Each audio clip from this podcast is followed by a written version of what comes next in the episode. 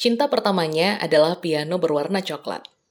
Seluruh hidupnya, ia hanya ingin membuat musik dan menikmati proses menciptakan musik. Ia nampak sekeras kutub, namun sesungguhnya ia sehangat pelukan seorang teman dan secangkir coklat panas di musim dingin. Kata orang, dia adalah prodigi, kejeniusan yang langka yang tidak bisa ditiru dan dipelajari. Tapi tidak, dia adalah bukti nyata bahwa bakat hanyalah satu persen penentu sebuah kesuksesan.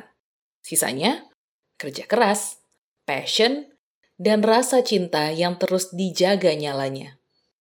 Army, mungkin kalian sudah bisa menebak siapa orang yang aku maksud.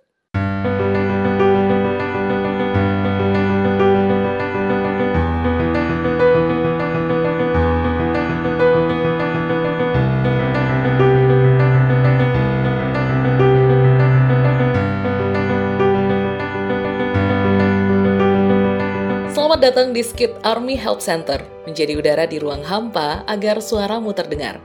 Perkenalkan, aku Hani, dan kali ini aku bertugas sebagai pemandu podcast episode 5 yang didedikasikan khusus untuk member BTS dan juga Rapline, sekaligus Hyungline, yaitu Suga, atau Min Yoongi, atau Agus D, atau Gloss, atau Min Pidinim. Sebenarnya masih banyak lagi nama lain yang disematkan pada member BTS satu ini, terutama dari ARMY. Hayo, siapa di antara kalian yang punya nama panggilan lain buat Suga? Nah, buat kalian yang tahu nih nama-nama lain dari Suga selain nama yang aku sebutkan tadi, komen di postingan Twitter kita ya, di at BTS underscore AHC underscore IDN. Karena emang sebanyak itu pesona yang dia punya. Jadi, nama panggilannya udah pasti banyak. Podcast ini hanya akan membahas mengenai identitas dasar yang dirilis resmi oleh agensi BTS, Big Hit Entertainment, dan perjalanan musiknya selama ini. Kita mulai dari tanggal 9 Maret 1993. Seorang anak laki-laki yang imut dan tampan lahir dan besar di Daegu. Seorang anak yang memiliki tekad besar dan akhirnya memutuskan merantau ke Seoul untuk mengejar mimpinya menjadi musisi, yang diberi nama Min Younggi. Jalannya tidak mudah, sebab dengan segala ketidakpastian dari mimpi seorang Min Younggi waktu itu, orang tuanya menjadi khawatir dan meragukannya. Tapi musik adalah sesuatu yang sangat dicintainya hingga ketidakpastian hari esok menjadi lebih mudah dihadapi dibandingkan menyerah pada mimpi itu. Terlebih, sang kakak memberi dukungan yang cukup sehingga Minyonggi tetap berangkat ke Seoul. Ah, aku lupa untuk menjelaskan ini. Ingat nama-nama yang kusebutkan di awal tadi? Ada Suga, Agus D, dan Gloss. Ketiga nama tersebut adalah persona yang mewakili identitas bermusik seorang Min Yoongi dalam wujud yang berbeda. Suga adalah Min Yoongi sebagai member BTS, Gloss adalah Min Yoongi muda yang sedang menyelami musik dalam genre rap, dan Agus D adalah perjalanan emosi seorang Min Yoongi sebagai musisi. Oke, balik lagi ke sejarah awal tentang impian seorang Min Yoongi. Lalu, apa yang membuat seorang Min Yoongi kecil jatuh cinta pada musik? Jawabannya, sebuah lagu Epic High. Awalnya, Min Yoongi kecil tertarik dengan rap setelah mendengar Raga Muffin oleh Stanis Kang. Namun, lagu-lagu Epic High lah yang menginspirasinya mengejar mimpi sebagai rapper. Hingga lambat laun, ia ingin menciptakan musiknya sendiri dan mengejar mimpi menjadi produser musik. Bertahun-tahun kemudian, salah satu lagu yang diciptakan Suga dinyanyikan oleh Epic High untuk seorang penggemar, pencapaian ini adalah hal yang sangat besar. Aku jadi ingat dengan quotes yang mengatakan, bekerja keraslah hingga idolamu menjadi rivalmu. Tapi beda kasus ya dengan Suga, karena kurasa quotes yang tepat adalah, bekerja keraslah hingga idolamu menjadi partnermu dalam berkarya. Lantas, apa sih yang ingin dicapai seorang Min Yoongi lewat musik? Nah, awalnya ia hanya ingin membuat musik mengikuti audisi Big Hit sebagai produser.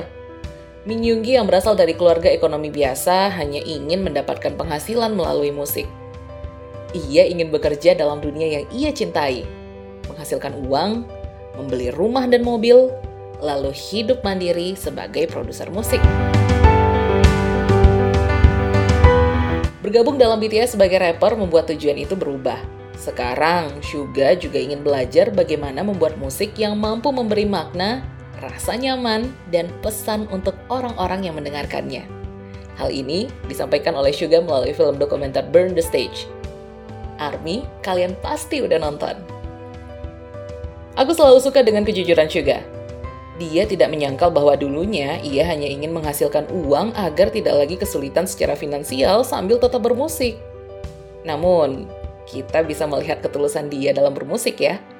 Kita bahkan bisa melihat proses pertumbuhannya sebagai seorang pribadi bersama musik.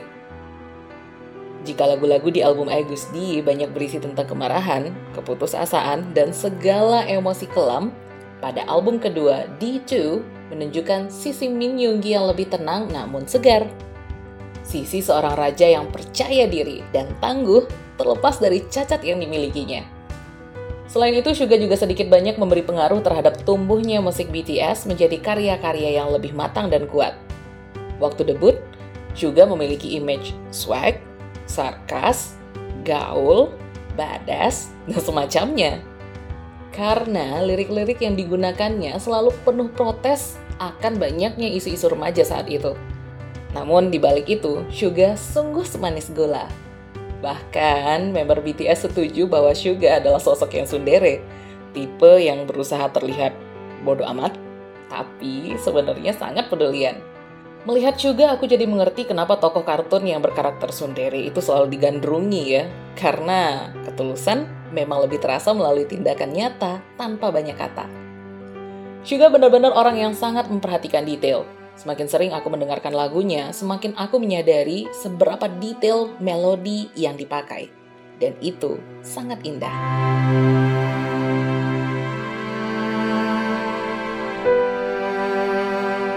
Ada beberapa lagu yang diproduseri oleh Suga dan aku suka banget. Lagu pertama yang aku jatuh cinta itu adalah Autumn Leaves. Lagu itu memiliki melodi yang menenangkan. Coba deh dengerin versi instrumental dari lagu ini.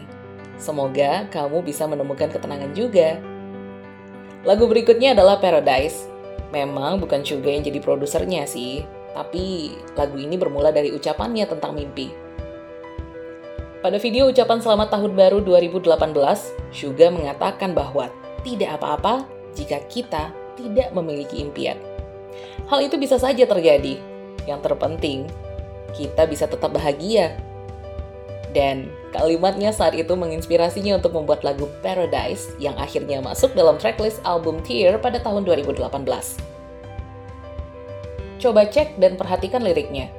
Lagu itu jadi pelukan hangat saat aku benar-benar meragukan impianku dan ingin menyerah, atau saat aku meragukan potensiku untuk mencapainya.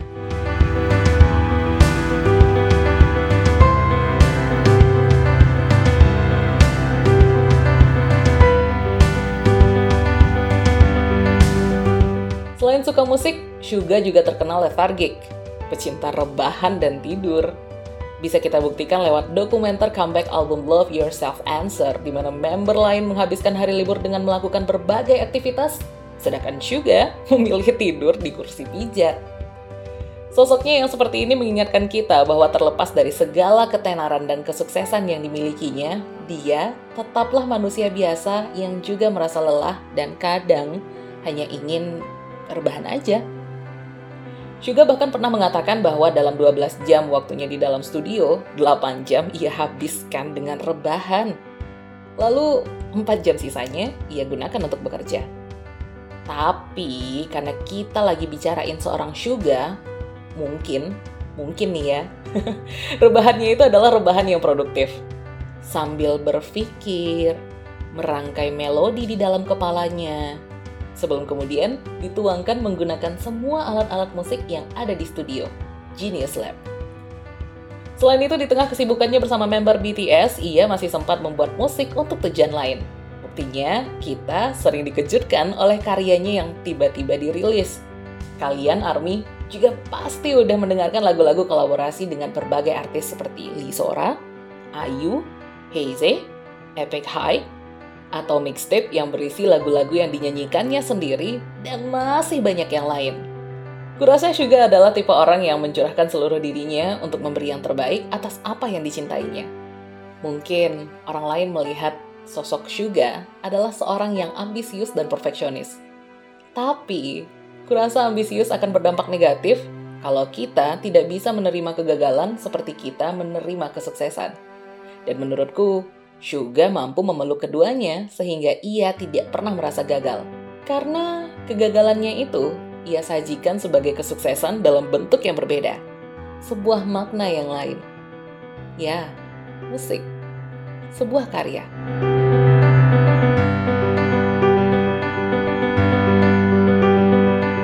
Secara pribadi aku sedikit bangga dengan diriku yang memiliki MBTI yang sama dengan Menyunggi. Ia membuatku bangga dengan diriku yang cenderung berpikir realistis. Ia membuatku belajar untuk lebih banyak percaya pada diriku sendiri dan bakatku tanpa memusingkan apa kata orang. Tapi buat kalian yang tidak memiliki MBTI yang sama dengan Min Yoongi, prinsip ini masih bisa kalian terapkan kok. Karena sebenarnya percaya kepada diri kalian adalah salah satu bentuk dari mencintai diri sendiri. Jika suatu saat kepercayaan kalian terhadap diri sendiri itu justru membawa kalian ke sebuah keputusan yang buruk, itu bukan masalah. Karena kalian akan tetap mempercayai diri kalian sendiri kalian percaya bahwa diri kalian akan menemukan solusi dan bisa keluar dari masalah yang sedang dihadapi. Satu hal yang paling ingin aku tiru dari sosok Min Yoongi yaitu terlepas dari kejeniusannya dalam bermusik, ia masih mengetahui hal-hal random dan mampu melakukan pekerjaan-pekerjaan sebagai manusia. Hal-hal yang nampaknya sederhana namun ternyata penting. Seperti memperbaiki gagang pintu, memasak, memperbaiki keran, menyetir, dan banyak lagi. Itu membuat seorang Min Yoongi terasa seperti sosok kakak yang menginspirasi, yang bisa diteladani adik-adiknya, termasuk diriku sendiri. Oh iya, aku jadi ingat satu hal. Di Break the Silence, Suga pernah bilang, kalau ia iri dengan orang-orang yang bisa dengan bebas bepergian. Makan di luar, pergi nonton bersama teman-temannya, atau sekedar nongkrong Hal-hal seperti itu nampaknya biasa aja ya. Tapi bagi Suga, itu adalah hal yang spesial karena ia tidak bisa melakukannya. Popularitas dan kesuksesan membuatnya harus lebih berhati-hati dalam bersikap. Bepergian, melakukan berbagai aktivitas, atau bahkan berteman. Sebab, jika ia melakukan sebuah kesalahan, orang-orang di sekitarnya juga akan menerima dampaknya. Jika kita melihat kehidupan juga yang berada di level yang berbeda, ternyata hal-hal sederhana yang kita, orang biasa saja bisa melakukannya, tidak bisa dilakukan juga dengan bebas. Di sini, kita bisa belajar bahwa makna sebuah barang atau suatu kejadian itu bergantung pada pilihan sudut pandang kita sendiri. Ada alasan kenapa lagu Boy With Love memiliki arti bahasa Inggris A Poem for a Small Things, sebuah puisi untuk hal-hal kecil. Karena ternyata kita bisa menemukan cinta, kebahagiaan, dan alasan untuk bersyukur dari hal-hal kecil yang ada di sekitar kita.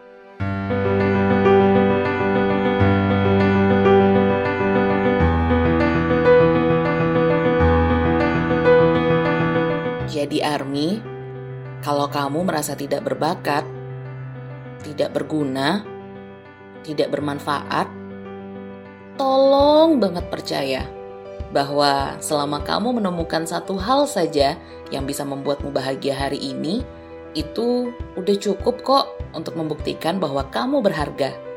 Besok, yuk kita cari satu hal kecil yang bisa kita manfaatkan untuk mensyukuri diri sendiri dan memilih untuk bahagia. Aku Hani, sampai jumpa di episode selanjutnya. Borahe Army!